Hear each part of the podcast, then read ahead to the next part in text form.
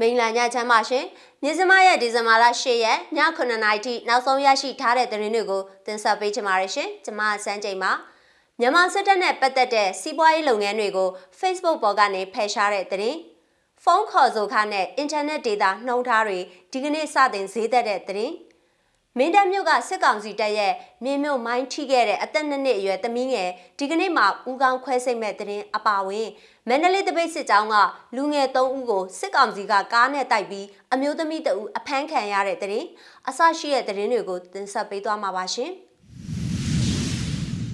မဆုံးတင်ဆက်ပေးချင်တဲ့တဲ့င်းကတော့ဖေဖော်ဝါရီလအတွင်းအာဏာသိမ်းခဲ့တဲ့မြန်မာစစ်တပ်ကထိန်းချုပ်တဲ့စီးပွားရေးလုပ်ငန်းတွေကိုကိုစားပြုတဲ့ page တွေ group တွေနဲ့ account တွေကို Facebook နဲ့ Instagram ကိုပိုင်ဆိုင်တဲ့ Meta company ကဖယ်ရှားပြီးဖြစ်ပါတယ်။အမေရိကန်နဲ့ဗြိတိန်တို့ကမွတ်စလင်ရိုဟင်ဂျာတွေကိုကိုစားပြုတဲ့အုပ်စုတွေက Meta Company ထံမှအမေရိကန်ဒေါ်လာ150ဘီလီယံနစ်နာကြေးရယူလိုကြောင်းတရားစွဲလာပြီးနောက်တရက်မှာကုမ္ပဏီကကြေညာလာတာပဲဖြစ်ပါတယ်။ မြန်မာနိုင်ငံမှာ Facebook platform ကနေပြီးအမုန်းစကားများဖြန့်ဝေနေတယ်လို့ရိုဟင်ဂျာအုပ်စုတွေကဆွဆွဲကြပါတယ်။ Facebook ရဲ့နီးစနစ်တွေဟာအန္တရာယ်ရှိပြီးထိခိုက်နစ်နာစေသောအကြောင်းအရာကိုဦးစားပေးတယ်လို့တရားစွဲဆိုသူတွေကဆွဆွဲထားပြီးရိုဟင်ဂျာတွေကိုဆန့်ကျင်တဲ့အမုန်းစကားပြောဆိုမှုတွေနဲ့သတင်းမှားများစွာတို့အတွက်ကုမ္ပဏီအနေနဲ့လည်းအကြိမ်ကြိမ်တတိပေးခံရပါတယ်။ ကုမ္ပဏီအနေနဲ့စီးပွားရေးလုပ်ငန်းကိုင်ငန်းများအပါအဝင်မြန်မာစစ်တပ်ကိုပိတ်ပင်မှုအားသွ၍ချမှတ်ကြောင်း Meta Company မှာအရှိတောင်အာရှထွန်းသစ်စနိုင်ငံများဆိုင်ရာမူဝါဒရေးရာညွှန်ကြားရေးမှူး Rafael Frankel က online post မှာကြေညာပါတယ်။ အဲ့ဒီစီးပွားရေးလုပ်ငန်းတွေဟာတမတော်ရဲ့ရန်ပုံငွေရရှိမှုနဲ့မြန်မာနိုင်ငံတွင်းဖြစ်ပွားဆဲအကြမ်းဖက်မှုတွေနဲ့လူအခွင့်အရေးအလွဲသုံးစားမှုတွေမှာဓာတ်ရိုက်ပါဝင်နေတာကိုနိုင်ငံတကာအတိုင်းဝိုင်းနဲ့ NGO တွေကတင်ပြတဲ့မှတ်တမ်းမှတ်ရာတွေကြောင့်အခုလိုအရေးယူဆောင်ရွက်တာဖြစ်တယ်လို့သူကဆိုပါတယ်။ အခုလိုမြန်မာစစ်တပ်ပေါ်တိုးပြီးပိတ်ပင်ဖို့ Meta Company ကဆုံးဖြတ်တာဟာအခုသတင်းပတ်အတွင်းတရားစွဲဆိုခံရမှုနဲ့ဘလို့မှမသက်ဆိုင်ပဲသတင်းပတ်အတန်ကြာကပင်ဆုံးဖြတ်ခဲ့တာဖြစ်တယ်လို့ Rafael Frankel ကပြောပါတယ်။တရားစွဲခံရတာနဲ့အခုဆုံးဖြတ်ချက်ကြားမှာဘာမှပတ်သက်ဆက်နွယ်တာမရှိပါဘူးလို့သူက Financial Times ကိုပြောခဲ့ပါတယ်ရှင်။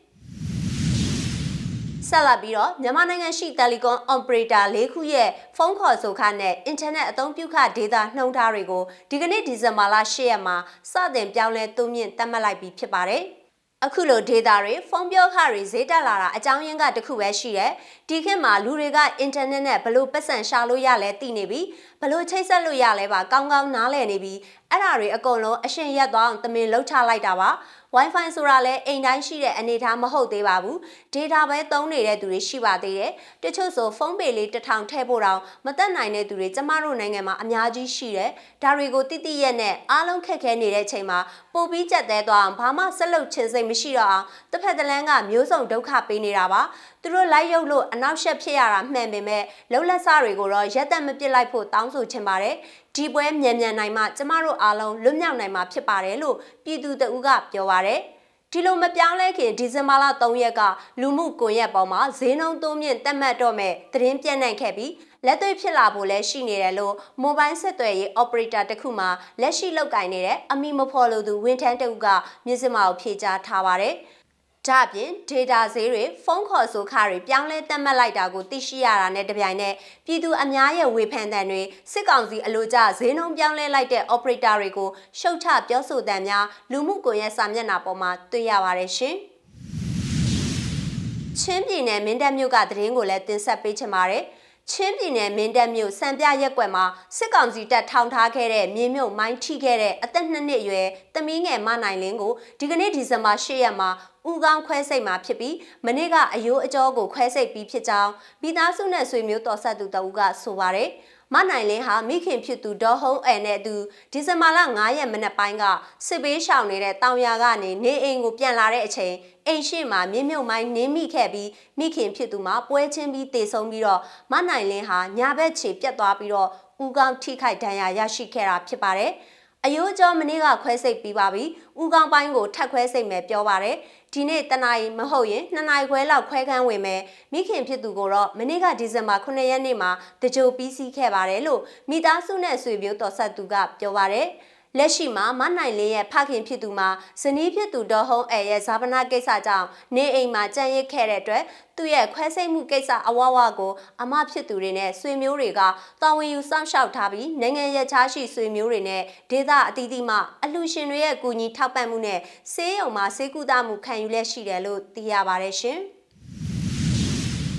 နောက်ဆုံးတင်ဆက်ပေးချင်တဲ့သတင်းကတော့မန္တလေးမြို့မှာဒီကနေ့နိုဝင်ဘာလ10ရက်မနက်ပိုင်းမှာပြုလုပ်မဲ့တပိတ်စစ်ကြောင်းကိုတွားရောက်ပူပေါင်းမဲ့လူငယ်3ဦးကိုစုရက်ကိုတွားတဲ့လမ်းမှာစစ်ကောင်စီလက်နက်ကင်တပ်ဖွဲ့ကကားနဲ့ဝင်တိုက်ပြီးတနက်နဲ့ပစ်ခတ်ပြီးတော့ဖမ်းဆီးခဲ့လို့လူငယ်အမျိုးသမီးတဦးဖမ်းဆီးခံလိုက်ရကြောင်းတပိတ်စစ်ကြောင်းမှာပါဝင်ခဲ့သူထံကသိရပါဗျ။အဲ့ဒီလူငယ်3ဦးဟာချမ်းအေးတာဇန်မြို့နယ်63လမ်း34လမ်းနဲ့35လမ်းကြားမှာစစ်ကားနဲ့ဝင်တိုက်ဖမ်းဆီးတာကိုခံခဲ့ရတာဖြစ်ပါတယ်။ သူတို့၃ယောက်ကကျွန်တော်တို့စစ်ကြောင်းနဲ့ပေါင်းဖို့လာတဲ့အချိန်63လမ်းပေါ်မှာစစ်ကားတစ်စီးကဝင်တိုက်ပြီးအရက်ဝတ်နဲ့ကောင်တွေကဝင်ဖမ်းတယ်တနက်နဲ့လည်းပြစ်တယ်ကောင်မလေးတယောက်တော့အဖမ်းခံလိုက်ရတယ်လို့တပိတ်စစ်ကြောင်းမှာပါဝင်ခဲ့သူတဦးကပြောပါတယ်ဖမ်းဆီးခံရတဲ့လူငယ်အမျိုးသမီးဟာအသက်20ကျော်ရွယ်မခိုင်စင်ဖူးဆိုသူဖြစ်ပြီးဖမ်းဆီးခံရတဲ့အချိန်မှာစစ်ကောင်စီလက်နက်ကင်တွေရဲ့ပစ်ခတ်မှုကြောင့်ကြီးစံထိမှန်ဒဏ်ရာရထားကြောင်းလည်းသိရပါဗျ။ ကောင်မလေးကိုသူ့တငယ်ချင်းတွေကတော့သူ့ကိုအဖူးလို့ခေါ်ကြတယ်။ကောင်မလေးကခြေထောက်မှာလည်းကြီးစံထိထားတယ်လို့သိရတယ်။၃ယောက်လာတော့၂ယောက်ကတော့လွတ်သွားပါတယ်။အခုကြီးစံထိထားတဲ့ကောင်မလေးအတွက်ပဲစိတ်ပူနေရတယ်လို့လည်းသူကဆိုပါတယ်။မန္တလေးမြို့မှာစစ်အာဏာရှင်စန့်ကျင်တပိတ်စစ်ကြောင်းကိုလူငယ်တွေဥဆောင်ပြီးတော့နေ့စဉ်ခြိသက်ဆန္ဒပြနေကြတာဖြစ်ပါတယ်ရှင်။ မြစမရဲ့ဒီဇင်ဘာလ10ရက်ည9:00နာရီထိနောက်ဆုံးရရှိထားတဲ့သတင်းတွေကိုတင်ဆက်ပေးခဲ့တာပါကြည့်ရှုအားပေးတဲ့အတွက်ကျေးဇူးအထူးတင်ရှိပါတယ်မြန်မာပြည်သူတွေဘေးအန္တရာယ်အပေါင်းကကင်းဝေးကြပါစေရှင်။